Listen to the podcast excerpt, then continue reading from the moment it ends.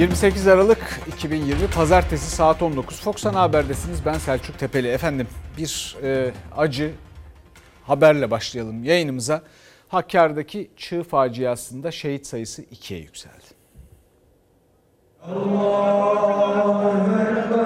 Çığ şehidi uzman çavuş memleketinde son yolculuğuna uğurlandı. Çığ altında kalan diğer askerin de cansız bedenine ulaşıldı. Acı ikiye katlandı.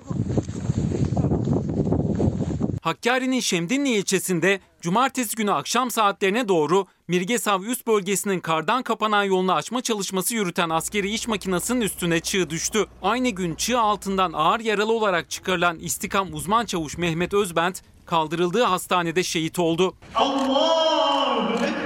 Şehit uzman çavuş Mehmet Özbent İzmir'in Torbalı ilçesinde toprağa verildi.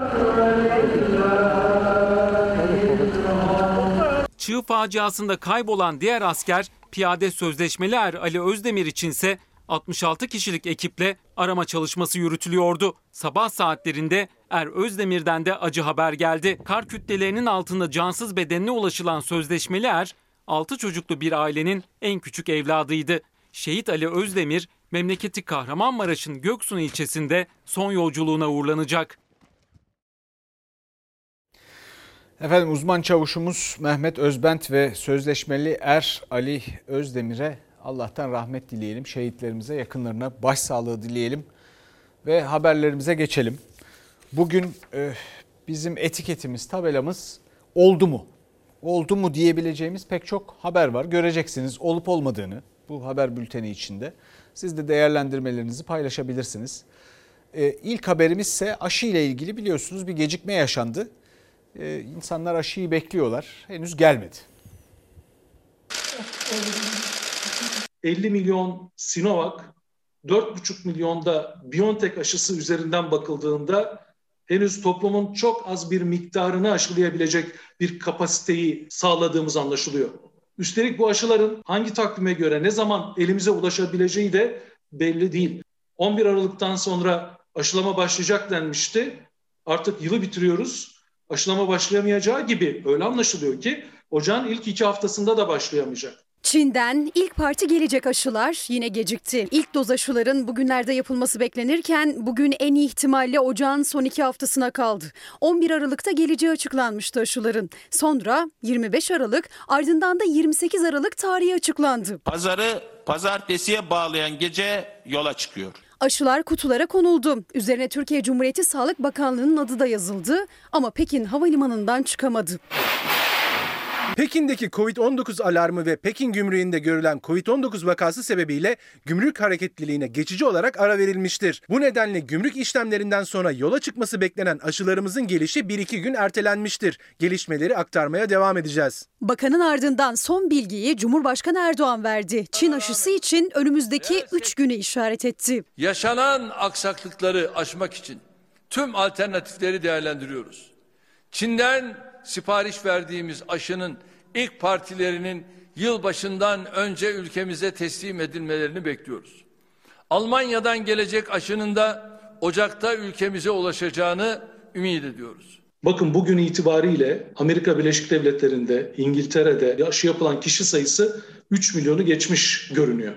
Biz henüz ne zaman aşı yapılabileceğini tartışıyoruz. Zannediyorum 2-3 gün sonra yani 3-4 gün içerisinde aşı ülkemize gelebilir. Sağlık Bakanı Fahrettin Koca 11 Aralık'tan sonra aşılar gelecek diye duyurmuştu müjdeyi ve 2020'nin son günlerinde ilk doz aşılar da yapılacaktı. İzinlerin alınması bu gecikmeyi oluşturmuş oldu. Bugün de bütün izinler tamamlandı. 25 Aralık'a göre yapıldı bu kez aşı takvimi. Yine en az 14 gün. Aşıların geçmesinin şart olduğu test süresi de eklenince yeni yılın ikinci haftası uygulanacak denildi ilk dozlar. Takvim bir kez daha şaştı. İlk etap aşılar Pekin Havalimanı'nda gümrükte takılı kaldı. Covid-19 hastalığının görülmesi nedeniyle gümrükte bir sıkıntı yaşandığı anlaşılıyor. Bunun ne kadar süreceğini bilmiyoruz. Bekleme koşullarına uygun yani artı 2 ile artı 8 derece arasında bekletilip bekletilmediklerine dair de soru işaretleri var. Aşılar bu kez söylendiği tarihte gelirse bilim kurulunun hedefi Nisan ayında yükü azaltmak. Biz büyüklerimizin hemen hemen tamamını Şubat sonuna kadar aşılamış olacağız. Böyle bir şansımız var. Eğer e, beklediğimiz şekilde aşılarımız gelirse. Almanya ile yeni imzalanan 4,5 milyon doz aşının 550 bininin ise yeni yılın ilk günlerinde Türkiye'ye ulaştırılacağı açıklandı. Profesör Doktor Kayıhan Pala uzayan aşı takviminde sağlık çalışanları adına çağrı yaptı. BioNTech aşısının bugünlerde Türkiye'ye gelme olasılığı var. Sayın Sağlık Bakanı'na şöyle bir çağrıda bulunmak isterim. Bunu hemen sağlık çalışanlarına uygulamak. Diğer aşıyı beklemeksizin. Çünkü sağlık çalışanlarının artık bekleyecek mecali kalmadı. Efendim böyle şeyler olur. Yani Covid-19 nedeniyle önlemler alınmış, bir gecikme yaşanmış. Olabilir, olabilir. Yeter ki şifa getirsin. Fakat bu arada hakikaten kıymetli hekimimizin söylediği şey, yani orada gerekli koşullarda bekletiliyor mu? Bu soru önemli. Sonra bizim niye alternatiflerimiz yok?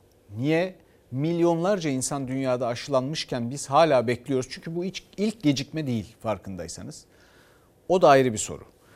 Bir izleyicimiz diyor ki ya biz ki 7 düvele mücadele 7 düvelle mücadele ediyoruz. Aşı 3-5 gün gecikti diye reisi suçlamamızı bekliyorsunuz. Suçlayan filan yok. Bu siyasi bir mesele değil. Sağlıkla ilgili bir mesele. Bu ikisini karıştırmamak lazım. Hepimiz bu aşının yolunu gözlüyoruz. Çünkü bu millet ayakta kalsın, sağlıklı olsun istiyoruz. Derdimiz bu. Ama netice itibariyle bu aşı gecikiyor. Bir değil, iki değil, üç değil. Ve insanlar aşılanıyorlar. Bu Türk milletini ilgilendiren bir şeydir. Türk milletinin sağlığını ilgilendiren bir şeydir. Çok alıntı yapıldığını görüyorum. İşte devleti yaşat ki, insanı yaşat ki devlet yaşasın düsturunun gereğidir. Dolayısıyla bu soruların cevaplarını da insanlar elbette merak ediyorlar. İnşallah yakın zamanda gelir ve inşallah şifa verir. O yüzden de böyle elbette böyle sıkıntılar olabilir. Olur. Fakat bununla ilgili de muhalefetten farklı farklı iddialar var. Yani aşının gecikmesiyle ilgili o iddialara da cevap verilmesi gerekir. 11 Aralık'ta gelecek denen aşılar hala ortada yok. Ya dün akşam gelecekti. Şimdi Çin gümrüğündeki korona vakaları var. Birkaç gün daha gecikecek deniyor. Gümrükten serbest bırakılmama nedenini söyleyemiyorlar. Onu ben size söyleyeyim. 15 gündür bu işin bu noktaya gelmesinin tek sebebi Uygur Türklerinin iadesi konusunda Çin'in Türkiye'ye baskı yapmasıdır. Milletimize bunu açıklamak zorundadırlar. Çin aşısının geliş tarihi üçüncü kez ertelendi. Hükümet neden içinde yeniden alevlenen koronavirüs salgını dedi ama muhalefet çok konuşulacak bir iddiayı gündeme taşıdı. Türkiye'de Çin'in iadesini istediği Uygur Türkleri var. Çin aşıyı veririm ama siz bu Uygur Türklerini iade edin diyor. Avrupa basını dünden beri Türkiye'nin Çin'le Uygur Türklerinin iadesine dair bir anlaşma imzaladığı haberleriyle çalkalanıyor. Ama saraydan ve bekçisinden çıt çıkmıyor. Çin aşı karşılığında Türkiye'den Uygur Türklerinin iadesini mi istiyor? Bu soru siyasette yeni bir tartışma başlığı açarken aşı ne zaman gelecek hala belirsiz. Türkiye aşıya kavuşmalı ve milletin içinde bulunduğu bu panik, korku hali sona ermelidir. Çünkü katlanabilir bir yanı kalmadı. En büyük hata bizim aşıyı üreten müesseselerimizin ortadan kaldırılması oldu. E şimdi Çin'de mi üretildi? Almanya'dan mı gelecek? Amerika mı? İngiltere mi? Şaşlık kaldık. Niye? Kendi aşımız yok ki. Dışarıdan gelecek bunların hepsi. Dünyada üçüncü faz incelemelerini geçmiş sadece iki aşı var. AstraZeneca ve Pfizer-BioNTech. Ama bu aşılardan her nedense yeterince tedarik edilmediği anlaşılıyor. Günde 250 insanımızı kaybediyoruz. Kabul ederim krizin yönetimi sırasında uzun vadeli bir planlamanın yapılamadığı ve bunun zararlarını da aşı konusunda çektiğimizi söyleyebilirim. Aşı bilmecesinde cevapsız sorular artarken muhalefetin tepkisi de büyüyor. Neden aşılarda gerekli çeşitlendirme yapılmadı? Neden 3. faz değerlendirmesinden geçmiş aşılardan yeteri sayıda alınamadı? Saraydan bu sorulara da cevap bekliyoruz. Türkiye Cumhuriyeti aşıyı niye kendisi alamaz? Niye aracı bir firma kullanmak zorundadır? CHP'den bir soru da daha önce Çin aşısını Devlet Malzeme Ofisi aracılığıyla kendimiz getiriyoruz. Aracı firma yok diyen Sağlık Bakanı Fahrettin Koca'ya geldi. CHP'li Murat Emir, TRT'nin Çin'deki muhabirinin gümrükteki aşılar önündeki fotoğrafını delil gösterdi. Aşı paketlerinin üzerinde bir firmanın adı ve adresi olduğunu iddia etti. Yani fotoğraflar, selfiler bilmem neler. Yani olacak iş değil. Yani göreceğiz, bakacağız ne zaman gelecek. Bu arada elbette biliyorsunuz bir alternatif aşı tedariki de yıl sonuna kadar. Burada o kadar çok haberini yaptık ki. Şimdi muhalefetin şimdi aklına geliyor bu soruları sormak. Yani aşağı yukarı 9 aydır soruyorum bunu. bu ülke aşılarıyla ilgili gerekli yatırımı, gerekli irtibatı kurup yaptı mı? Çünkü bu önemli bir şey ve bütün dünyada bununla ilgili bir yarış başlayacak. Ya benim anlamadığım devlet aklı başka ne işleri var bilmiyorum. Yani başka bir işleri var mı? Bundan başka şu anda bize aşı tedarik etmekten başka ne işleri olabilir? En önemli iş bu. Ama geciktik işte. Bakalım ne kadar gecikeceğiz daha. İnşallah en kısa zamanda gelir.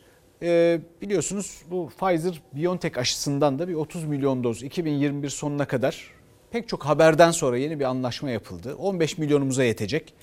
E şimdi bir 25 milyonluk var. 25 milyonumuza yetecek kadar. Üstüne biraz daha eklendiğinde aşağı yukarı nüfusumuzun yarısına denk geliyor. Hala yetmez. Hala yetmez. Ama adım adım yürüyoruz. Allah kolaylık versin. İnşallah hepsini tedarik ederiz. Mesele siyasi olmaktan ötedir. Mesele hayat memat meselesidir.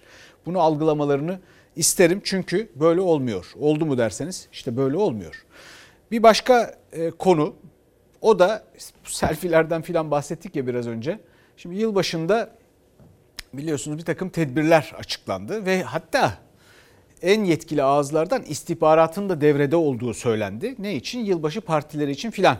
Kim evinde nerede bu ülkenin %99'unda böyle bir şey yok. Yani bir parti mi veriliyor bir şey mi yapılıyor bilmiyorum ama e, şimdi bir şey var bir sürek avı havası var. Neymiş efendim işte istihbarat onların peşine düşecek filan ama siz selfie filan paylaşmayın.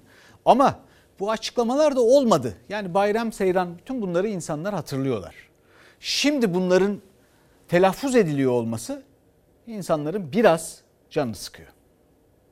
İçişleri Bakanlığı'nın bu sosyal medya konusundaki hassasiyeti her geçen gün bir başka zirveye ulaşıyor. Önce madem bu kadar hassassınız sarayda çalgılı, türkülü yemeklerle ilgili olarak neden gereğini yapmıyorsunuz? Yılbaşında bir araya gelecek olan insanlar hepsi koronavirüs mü taşıyor da? Ya da sen niye bir araya geliyorsun kongre salonlarında? Sen niye bir araya geliyorsun yemeklerde 300 kişiyle? Konaklama tesisleri ve kiralık villa benzeri yerler de dahil olmak üzere hiçbir mekanda yılbaşı partisi kutlama organizasyonu yapılmamasına yönelik planlama, koordinasyon, denetim faaliyetleri eksiksiz şekilde yerine getirilecek. Pandemi tedbiri olur mu? Ne alakası? Bu toplum üzerinde bir daha baskı, biraz daha insanları köşesine çekilmek, ses çıkarmalarını engellemek üzere kurgulanmış yeni bir sistem. İçişleri Bakanlığı'nın yılbaşı genelgesi yeni tartışmaların kapısını açtı. Yılbaşı partilerinin yapılmaması tercih değil zorunluluk vurgusu yapılan genelgenin ilk işareti Cumhurbaşkanı Erdoğan'dan gelmişti.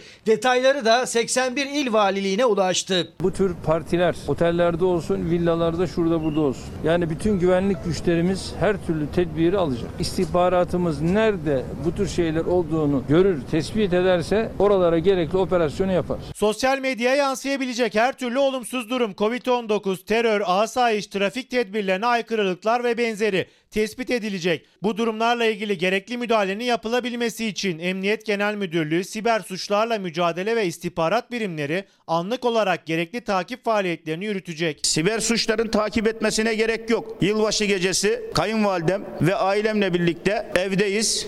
Dolayısıyla ben ihbar ediyorum. O gece evimdeyim bekliyorum. Millet sosyal medyadan dahi birbirlerinin yeni yılını kutlamasını istiyorlar. İnsanların yaşam biçimine müdahale etmekten vazgeçsinler. Pandemiyle mücadele çerçevesinde otel, konaklama tesisleri, özel villalar ve apartlarda kutlamalara izin verilmeyeceği günler öncesinden açıklanmıştı. Sosyal medya, siber suçlar ve istihbarat birimlerinin takipte olacağı ise genelgeyle ortaya çıktı, siyaseti konuşturdu. Bundan kimseye hayır gelmez. Kiminle eğleniyor, kiminle oturuyor, yiyor, kiminle içiyor. Aynı komünist rejimin baskıcı tutumunu Süleyman Soylu uygulamaya başlamış. Komünizm Rusyasına döndük. Herkes birbirini ihbar etsin. İhbar etsin ki komşuluk ilişkileri bitsin. Sonra ne diyecekler? Bak devlet nerede? Devlet tedbirini almadı. Devlet gerekeni yapmadı. Buna fırsat veremeyiz. İçişleri Bakanlığı'nın genelgesinde kolluk kuvvetleri ile tüm kurum ve kuruluşların tam mesai çalışacağı, engelliler, 65 yaş üstü ve kronik rahatsızlıkları olanlar için sosyal vefa destek gruplarının da hazır olacağı yer aldı ama en çok ses getiren sosyal medya, siber suçlar ve istihbarat takibi maddesi oldu. İşte şimdi o habere geldik. Asgari ücret biliyorsunuz. Ee, onunla ilgili artık bir fikrimiz var açıkladılar çünkü. Nasıl açıkladıklarını da biraz sonra paylaşacağım. Bir izleyicimiz demiş ki Sayın Tepeli asgari ücreti bu konuda sabıkalı e, bir e, e, Efendim, sendika başkanı ile çalışma bakanı sanırım önceden ayarlamış. Kuşkusu buymuş.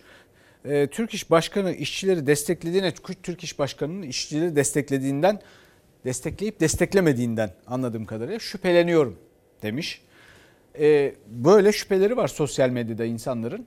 Bu arada e, Aile Çalışma ve Sosyal Hizmetler Bakanı Zehra Zümrüt Selçuk açıkladı. Dedi ki 2825 Türk Lirası 90 kuruş. 90 kuruş önemli o yüzden artı yazdık. Yani bunu bu şekilde de böyle bir böyle bir parayı da bu şekilde de açıklayabiliyorlar. 2825 lira 90 kuruş. 90 kuruş. Bir kere daha tekrar edelim mi? 90 kuruş.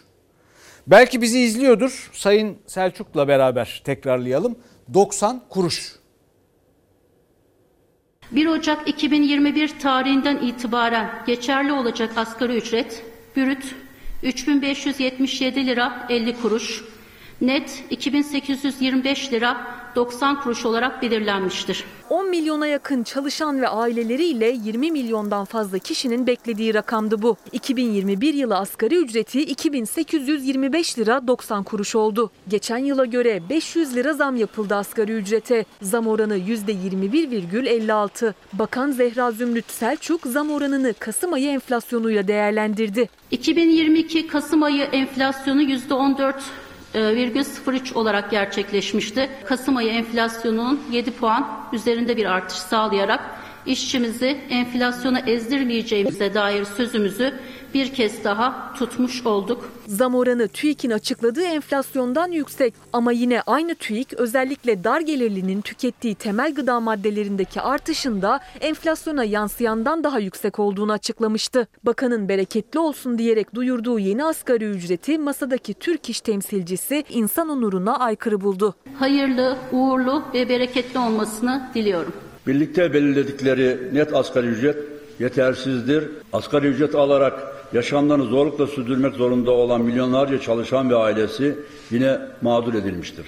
Kuru bakliyata bir senede %33 zam geldiğini açıklayan TÜİK de asgari ücret tespit komisyonuna %20'lik bir zam önermişti. 2792 lira. Hükümet ve işverenin birlikte aldığı işçi temsilcisinin altına imza atmadığı zam TÜİK'in önerisinden 33 lira fazla oldu. Masadaki işveren temsilcisi ise bu zam oranıyla asgari ücretlinin refah payı aldığını savundu. Komisyon zor koşullarda kararını verdi. Enflasyonun 7 puan üzerinde bir refah payıyla nihai kararını vermiş oldu. Eğer ajanslar dışında kalan haberciler salona alınmış olsaydı açlık sınırından 300 lira fazla olan yeni asgari ücretle yaşamanın yolları da sorulacaktı. Ama salgın gerekçe gösterilerek içerideki gazeteci sayısı sınırlandırıldı. Çalışanların %50'ye yakını asgari ücret ve asgari ücretin altında maaş alıyor. Evli, eşi çalışmayan ve 3 çocuğu olan asgari ücretlinin eline 2021 yılında 3013 lira 72 kuruş geçecek. Yani 4 kişilik bir aile için hesaplanan yoksul yoksulluk sınırından iki buçuk kat daha düşük. Hükümet olarak her daim işçilerimizi korumaya devam ettik. Devam et, edeceğiz de. Salgınla birlikte 2 milyon çalışan ücretsiz izne çıkarılmıştı. Aylık 1168 lirayla geçinmeye çalışıyorlardı. Asgari ücrete yapılan zamla birlikte ücretsiz izin ödemesi de 1420 lira 14 kuruşa yükseldi. En yüksek işsizlik maaşı da 2861 lira oldu. Efendim bunun tam algılandığından emin değilim bu ülkede. Böyle bizim gündemimiz kaynayıp gidiyor. Aslında her gün aynı şeyleri konuşuyoruz. Türkiye gazetecilik için cennet deniyor ya. Yalan bu. 300 senedir bu ülke 5 tane konu dışında hiçbir şey konuşmuyor. Ben söyleyeyim size. Ve bunları bir türlü de çözemiyor. Niye? Yani bu ülkenin medyası başta olmak üzere, elitleri başta olmak üzere her güne sanki geçmişi unutmuş gibi başlıyorlar. Onların işine geliyor. Niye? Niye işine geliyor? Çünkü şöyle bir durum var. Vahşi kapitalizm falan diyoruz ya. Vahşi kapitalizm, kapitalizm kısmını atın. Çünkü kapitalizm bile böyle bir ücretle bu ülkenin %50'sinin çalışanlarının %50'sinin geçinmesini beklemez. Çünkü kapitalizm bu kadar aptal değildir. Bu kapitalizm kısmını atın. Bize vahşi kısmı kalıyor. O vahşi kısmı ne? İşte o o 2825 lira 90 kuruş. Vahşi kısmı bu. Ve akıllıca mı? Ha, akıllıca değil. Kapitalist bu kadar aptal olamaz ya. Bu ülkenin yüzde ellisi neredeyse yüzde ellisi çalışanlarının yüzde ellisi asgari ücretle geçiniyorlar. Yani ben size birkaç tane örnek vereyim. Bakın Almanya'da asgari ücretle çalışan insan sayısı çalışanlar arasında ki Türkiye'nin iki katı. Almanya'nın nüfusu aşağı yukarı bizim kadar. Yüzde üç. Sadece yüzde üç. Fransa bizden biraz daha az nüfusu yüzde on üç. Asgari ücretle çalışan insan sayısı. Bizde bizde çalışanlarımızın neredeyse yarısı. O yarısının üstüne çıkmak için çok az bir tık katkıya ihtiyacınız var. Yani bir 100 lira koysanız üstüne zaten çıkıyor. Onlar da asgari ücretle çalışmıyor sözde ama ona çok yakın bir ücretle çalışıyorlar. Ya bir ülke, bir ülkenin zengini, bir ülkenin yatırımcısı, bir ülkenin tüccarı, bir ülkenin siyasetçisi, bir ülkenin eliti nasıl bir kafa, akıl bilmem bir şey yürütüyor da bu ülkenin yarısı bu parayla geçinmeye çalışırken kendisinin ayakta kalabileceğini düşünüyor. Dünyada saygı görebileceğini düşünüyor. Bunu aklım benim vermiyor. Bakalım şimdi işçi tepkilerine. Ergün Atalay Türk İş Başkanı demiş ki gönül isterdi ki. Ya bu özür dilerim ama Sayın Atalay'ın gönlüne mi kaldı bu? Anlamadım ki ben. Efendim bir de kırmızı çizgiden bahsediyordu. Kırmızı çizgi demek ki gönülle ilgili bir şeymiş. Gönül yakınlıkları geçen hafta bahsetmiştim. Çok romantikler yahu. Çok bu, bu parayla geçinmek için fazla romantikler. Arzu Çerkezoğlu Disk Genel, Disk Genel Başkanı demiş ki asla kabul edilemez. Mahmut Arslan Hak İş Genel Başkanı da her şey bitmiş değil demiş. Umut Fakir'in ekmeği.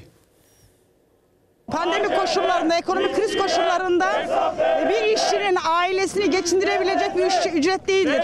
Bir sefalet ücretidir. Maalesef açıklanan rakam işçileri sefalete mahkum etmeye devam etmektedir. Gerçekten inanılmaz bir rakam. Zaten bu agiyle olan rakam. İkincisi vergi dilimine giriyoruz biz zaten. Kendileri geçinsinler o paraya. Geçinebiliyorlarsa. Bu asla kabul edilemez. Bu adaletli değildir. İnsaniyetli değildir. Hakkaniyetli değildir. Asgari ücret açıklandığında işçinin ilk tepkisi buydu. Hayal kırıklığı. Maaşına yapılan 500 liralık zamla bu yılda işçiye geçim sıkıntısı göründü. Yetersiz olduğunu herkes biliyor. Kendileri de biliyor aslında. Bir yağ ben yani 40 liraya alırken bugün 80 lira oldu ya bir koli yumurta 15-16 lirayken oldu 30 lira. Asgari ücret komisyonu son kez toplanıyor. Şu saatlerde hükümet 2021 yılının asgari ücretini belirlemek için masada pazarlıkta. Aynı zamanda aynı saatlerde ise işçi sokakta, Kadıköy'de, İstanbul'da insanca yaşayabilmek için bir ücret talep ediyorlar. Diskin talebi ise 3800 lira. Diskin önerdiği 3800 lira bir işçinin eşi ve çocuğuyla birlikte geçimini sağlayabilmesi için gereken asgari ücret. Ancak açıklanan rakam o talebin çok altındaydı. Alandaki kalabalığa Disk Genel Başkanı Arzu Çerkezoğlu duyurdu yeni ücreti. Açıklandı mı? Açıklanmış. 2825 lira 90 kuruş. AGI içinde. Değerli arkadaşlar, 2021 yılı asgari ücreti 2825 lira. AGI dahil biçimde açıklandı. Belirlenen bu rakamla 2021 yılı boyunca bu ülkenin işçisinin, emekçisinin geçinmesine olanak yoktur. İşçi sınıfı sayılmıştır. Açlığa, sefalete mahkum edilmiştir. Bu mu adaletiniz? Bu mu bu ülkenin tüm değerlerini üreten işçiye, emekçiye reva gördüğünüz asgari ücret? İşçimizi enflasyona ezdirmeyeceğimize dair sözümüzü bir kez daha tutmuş olduk. 15 kişilik komisyon kapalı kapılar ardında patronlarla işbirliği içerisinde işçiyle dalga geçer gibi bir tiyatro oyunu daha sergilediler. Bunun kabul edilir tarafı yok. Biz Yıllardır enflasyon karşısında eziliyoruz. Halktan, alanlardan uzak Çalışma Bakanı'nın böyle söylemesi çok doğaldır. Geçinebiliyor muyuz arkadaşlar? Hayır! Geçinebiliyor muyuz? Hayır! Pazarlık masasında bulunan Türk İş'in Genel Başkanı Habertürk TV'de canlı yayında 175 lira daha olsa uygun olacaktı dedi. Şimdi maalesef gönül isterdi 175 lira daha ilave etseler de işte en azından bir 3 bin lira bulsaydı da işte biz de o masada olsaydık ya 3 bin lirayı geçseydi de biz de o masada olsaydık ben de orada olsaydım işveren başkanı Özgür Burak Bey'in olduğu gibi ben de o masada olsaydım da yani bununla ilgili deseydik ki evet uygundur. Hakiste yapılan zam oranı az değil ancak bütün kesimleri mutlu etmez dedi. Asgari ücretten vergi indirimi için hükümete seslendi. Şu andaki asgari ücrette sigorta primi işçi payı, gelir vergisi oranında beşer puan düşürdüğümüz zaman şu anda açıklanan 2825 liralık net asgari ücreti üzerinden bu iki düzenlemeyi yapsak e, işçinin cebine 335 lira daha fazla para gelmiş olacak. 1,5 milyar kira. Nasıl geçine iki çocuk okuyor? Hayat pahalı. Biberin kilosu olmuş kaç lira? Portakal oldu kaç lira? Bunu görmezler lazım ama görmüyorlar kimse. Bu ülkenin işçisini, emekçisini açlığa mahkum ettiniz. Ama bilin ki asgari ücreti sizin keyfiyetinize bırakmayacağız. Bilin ki bu dava burada bitmez. Efendim siyasi tepkilere bakalım asgari ücretle ilgili olarak. Onlar asgari ücret azami sefalet diyorlar. Asgari ücret yüzde 21 buçuk artışla bekar ve çocuksuz çalışan için net 2826 lira, evli ve 3 çocuklu çalışan için 3014 lira olarak uygulanacaktır.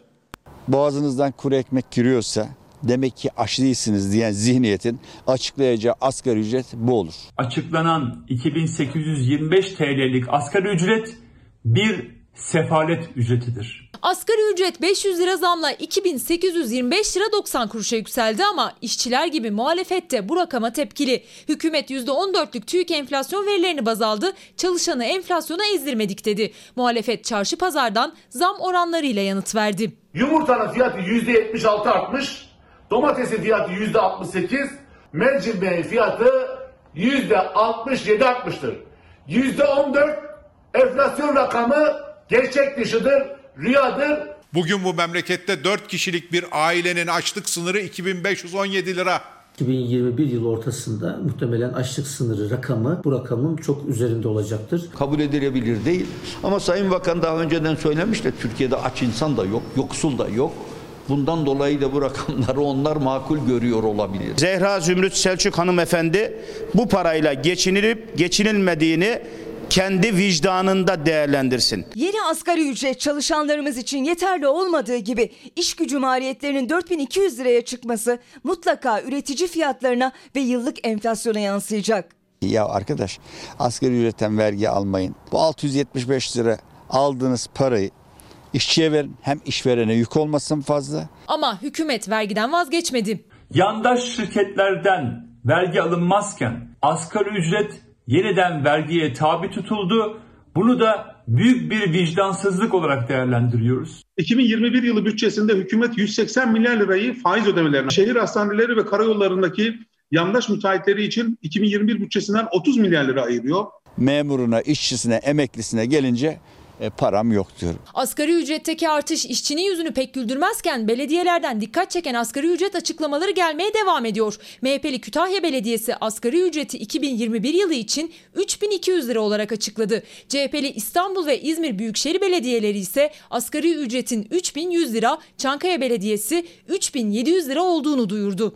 Belediyeler de devlet kurumu. Biz 3100 lira asgari ücret verebiliyoruz çalışanlara. Saray neden bunun altında kalıyor? Bu sadece siyasi tercihtir. Şimdi daha fenası var. Hazır mısınız daha fenasına? Efendim İstanbul Ticaret Odası 6 dilde bir e, yayın yapıyor ve yayında yabancı yatırımcıları Türkiye'ye çekmek için bir metin var. Yabancı yatırımcıları Türkiye'ye davet etmek için mülk edinmek, yatırım yapmak neyse. Yabancıların Türkiye'de yatırım yapmasını sağlamak için söyledikleri şey ise ucuz iş gücü. Yani bununla övünüyorlar. Şimdi arkadaşlar dediler ki bu utanç utanç verici ifadesinin şuradaki başlığın üst arkasına bir ünlem koyalım. Bir ünlem kondu. Dedim ki ünlem bundan utanır. Ünlemi atalım. Yani İstanbul Ticaret Odası bununla utanmıyorsa şu yaptığı yayınla bizim diyecek bir şeyimiz yok. İstanbul Ticaret Odası bir rakam açıkladı. Utanmadan, sıkılmadan bir açıklama yaptı. Utanılması gereken bir itirafı dile getirdi aslında. Dediler ki uluslararası sermayeyi ülkemize çağırmak için Türkiye'de işçi maliyeti saatlik 5.6 dolar.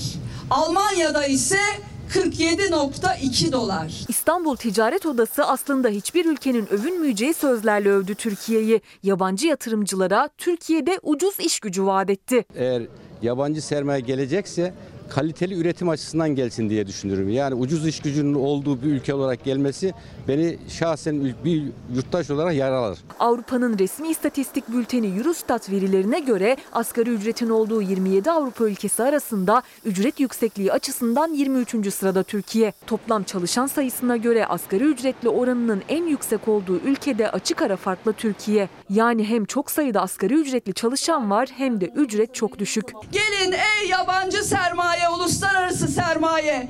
Gelin burası ucuz emek cenneti diyordunuz ya. İşte bu asgari ücretle 2021 yılı asgari ücretiyle bunu bir kez daha teyit ettiniz. İstanbul Ticaret Odası da yabancı yatırımcıları Türkiye'ye çekebilmek için bu verileri kullandı. Mülk edinme rehberinde övüldü ucuz iş gücü. Emeğin değersizliği üzerinden yabancı yatırımcılar ülkeye davet edildi. Yüksek paralar elde edeceğiniz, kar yapacağınız bir ortam diye e, yabancı yatırımcıları çağırıyor İstanbul Ticaret Odası. Yabancı yatırımcıyı buraya çekmenin yolu ucuz işçilikten geçmiyor. Rehbere göre Türk işçisinin işverene maliyeti Alman işçisinden 9 kat daha ucuz. İmalatta saatlik işçi maliyeti Türkiye'de 5,6 dolarken Almanya'da bu maliyet 47,2 dolar. Bu ülkenin o aydınlık tertemiz insanların emeğini uluslararası sermayeye ucuz emek cenneti olarak pazarlamaya çalışanlarla insanca bir yaşam mücadelesi veren Türkiye işçi sınıfının mücadelesidir. İstanbul Ticaret Odası yabancıların İstanbul'dan konut sahibi olması halinde Türk vatandaşlığı alabileceğini de hatırlattı. Türkiye'de yurt dışı alıcılara özel olarak KDV'siz gayrimenkul satın alma fırsatı sunulmaktadır sözleri de adaletsizliklerin açıklaması gibiydi. Efendim müsaadenizle özetleyeyim. Türkiye'nin diplomasi e, konusundaki çizgisi, ana fikri. Biliyorsunuz pek çok uzman, pek çok devlet yetkilisi bunu zaman zaman telaffuz eder. Türkiye'nin stratejik önemi. Türkiye'nin stratejik önemi şudur. Biz bir şey katmadık. Yerimiz dolayısıyla atalarımız bu ülkeyi fethetmiş. Şehitler vermişler. Şimdi bir ordumuz, askerimiz var. Stratejik önemi. Biz ne hata yaparsak yapalım askerimizi, polisimizi, özel harekatçımızı o problemli bizim hata yaptığımız bölgelere göndeririz. E, bu arada da başka ülkelerle stratejik önemimiz, konumumuzla işbirliği yaparız. O işin içinden çıkarız. Stratejik önemimiz çok. Sonra ülkenin ekonomisiyle ilgili olarak efendim burası yatırımcı dostu. Niye? Bizim uz, ucuz iş gücümüz var. Gelin burada bedavaya insanları çalıştırın. O yüzden para getirin buraya. Dolayısıyla Türkiye sizin için yatırım cenneti. Bunu diyoruz. Sonra yine efendim bu ülkenin vatandaşlığı uzun önce biliyorsunuz 1 milyon dolardı. Sonra yarıya indirdiler. Şimdi 250 bin dolara Türkiye Türk vatandaşlığı alınabiliyor. Yani burası öyle bir ülkedir. Gelin burada iki tane mülk alın. iki tane daire alın. Bizim müteahhit cuntasından. Ondan sonra vatandaş olun. Burasının vatandaşlığı böyle bir şeydir. Giderek de fiyat kırıyoruz biz. Ya bütün bunlar tamam da bütün bunlar zaten bu ülkede var. O zaman adama sormazlar mı siz ne halt ettiniz o karar makamlarında diye. Ne kattınız buna? Sormazlar mı bunu? Sonra sadece bu mu? Bu da değil. Bakın bu ülkenin bir özel sektörü var. Bu ülkenin bir elit kesimi var. Onlar da mangalda kül bırakmıyorlar. Yer yer sohbetler oluyor, başka bir şey oluyor. Efendim işte ya da tepkilerini dile getiriyorlar. Mangalda kül bırakmıyorlar. TÜİK'in rakamları şunlar bunlar. Sonra kendi çalışanlarına bakın çuvaldız önemlidir ha. Herkes yerlisi yabancısı Türkiye'deki özel şirketlerden bahsediyorum. Kendi çalışanlarına TÜİK'in rakamlarının bile altında şimdi verilen bu %20-21'lik asgari ücret zammının bile altında zam yapıyorlar. %10'larda filan. Sonra biz özel sektörüz, elitiz, şuyuz buyuz. Ya arkadaş dünyada saygı göremezsiniz. Ülkedeki insanların hayatlarıyla saygıdeğer bir sürdürülebilir bir yaşama sahip olmadıkları sürece dünyada saygı göremezsiniz. Dünyayı bu şekilde tanımanızı tavsiye ederim. Şimdi gelelim esnafımıza veresiye defterlerine. Veresiye defterlerindeki durum nedir? Kredi kartının yerine nasıl geçiyor onu görelim. Defterimiz var. Artı bu var. Artı kartonu çift taraflı aynı şekil. Artı bu. Dört sayfa artı o zamandaki camda daha hala duruyor. Şubat ayında bu defter 10 bin liraydı. 10 bin liraydı. O zamandan ikinci gelişimizde 20, şu anda 25. Veresiye defterindeki borçlar katlanarak artıyor. Silinenlerin, ödenenlerin üzerine yenileri ekleniyor ama defter eski beyaz sayfalarına bir türlü kavuşamıyor. Her veresiye bakkal Ahmet Tekin için de yeni borçlar, yeni krediler demek. Müşteri veresiyesini kapatamıyor, esnafsa her geçen gün daha da borçlanıyor. Bundan önceki röportajımızdan bu yana ortalama her şeyimiz %20-25 en düşük olaraktan 20 arttı. Şubat ayında bu mavi kaplı defterin fiyatı 10 bin liraydı. Ekim ayındaysa fiyatı 20 bin liraya kadar çıktı. Aradan iki buçuk ay geçti. Defterin fiyatı 25 bin liraya dayandı. Aydan aya fiyatı arttı ama fiyatı artan, değeri artan şey sadece bu defter değil. Süte, ekmeğe, yumurtaya, peynire de aydan aya zam geldi. Ekmek bak bundan önceki geldiğiniz zaman 1.75'ti. Şu anda 2 lira ekmek. Peynirin kilosu 50 lirayken şu anda 60 lira. Bir yumurta şu bir ayın içinde 3-4 sefer zamlandı. Ben geçen hafta 80 kuruş alırken yumurtayı şu anda 85 kuruşa aldım. Bugün bir kahvaltı sofrasına 250 gram peynir almış olsa, 250 gram zeytin almış olsa, 2 tane ekmek alsa 25 TL hesap ortada. Ayda 750 lira yapar. Hal böyle olunca da veresiye defteri kabardıkça kabardı ve market sahibi Ahmet Tekin'in borçları da arttı. O da borçlarını ödeyebilmek için kredi kartlarını kapatabilmek için kredi çekmek zorunda kaldı. Ne kadar kartlardaki borç? Bundan önceki geldiğiniz zaman 35-40 lirayken şu anda 45-50 lira. Ve kredi çektin. Kredi çektim ve bunları kapatmak için. O kredinin faizi ne kadar? 13-14 liraya yakın bir para. Bir ekmeği bile yazdırmak zorunda kalanlar var. Üstelik Merkez Bankası'nın faiz artışı kararından sonra ek hesap kullanım ücretlerinde de gecikme faizleri %2 seviyesine yükseldi. Yani alışveriş için kartlara yüklense tüketici faiz yükünün altında ezilecek. Veresiye yazdırsa bu kez de bakkal sahibi altından kalkamayacak. İki ekmek alıyorsa icabında biz burada yarım ekmek bile ne veriyoruz? Yarım ekmek. Bir buçuk ekmek ver o zaman diyor işte diyor yarım ekmeğimi akşama da şey yapayım diyor. Covid ve pandemi döneminden dolayı maalesef bir evde üç kişi çalışırken bir kişiye düştü. Evinin kirasını mı versin, karnını mı doyursun, elektrik parasını mı versin, su parasını mı versin? Biz yetişemiyoruz. Valla Allah milletimizin yardımcısı olsun. Evet, bir izleyicimiz demiş ki ya bütün bu aşı, sağlık, Covid-19, gelen ilaçlar filan bütün bunların güvenliğinden, tedarik zincirinden sorumlu olanlar var. Gümrük sahalarında çalışanlar, gümrük müşavirleri, onların yardımcıları onlara e, bir teşekkür borçlu değil mi bu ülke? E, gayet tabii. Onu da belirtelim. Efendim şimdi e, biliyorsunuz Merkez Bankası'nda 130 milyar dolar kayıp e, kuru tutmak için kullanıldı ama nasıl kullanıldı, nereye kullanıldı belli değil. Sorunun özü bu. Sorunun özünü sormaya devam ediyor muhalefet. Yaklaşık olarak 125 milyar doları şu bir buçuk sene içerisinde heba ettik, yok ettik. Plan ve Bütçe Komisyonu'nda yeni başkanı arkadaşlarımız ısrarla bu buharlaşan 128 milyar doların hesabını soracak mısınız diye sordular. Ama bir türlü cevap alamadılar. 130 milyar dolar döviz rezervi arka kapı operasyonlarıyla kamu bankaları üzerinden kimin koyduğu belli olmayan bir kur düzeyini tutturmak için kullanılmıştır. Ve hiçbir işe yaramamıştır. Muhalefet Merkez Bankası'nın eriyen 130 milyar dolar tutarındaki döviz rezervinin peşine düştü. Bu para ne oldu diye sordu. İzlenen yanlış kur politikasını hedef aldı. Sorumlular hesap vermeli sesini yükseltti. Dolar 10 lira olacak ya 15 lira olacak ya 6 liradan 7 liradan toplayalım dolarları. Ha 10-15'e satarız. E sonra ne oldu? Kayınpeder damat bir olup milletin döviz rezervlerini tükettiler. Yetmedi Merkez Bankası'nı 49 milyar dolar net borçlandırdılar. Bunu yapan siyaset de, bunu yapan bürokrasi de hiçbir bedel ödememiştir. Türk lirası pul olmuş. Bunun hesabını kim verecek? 130 milyar dolarlık satışın hesabı verilmeli. Kim ya da kimler aldığı şeffaf olarak paylaşılmalı, karanlık nokta kalmamalı dedi muhalefet. Merkez Bankası rezervlerinin tamamen eridiğine ama hala kur sorununun olduğuna dikkat çekildi. Hedefte Cumhurbaşkanı Erdoğan ve eski bakan Berat Albayrak vardı. Tıp mensubu değilim.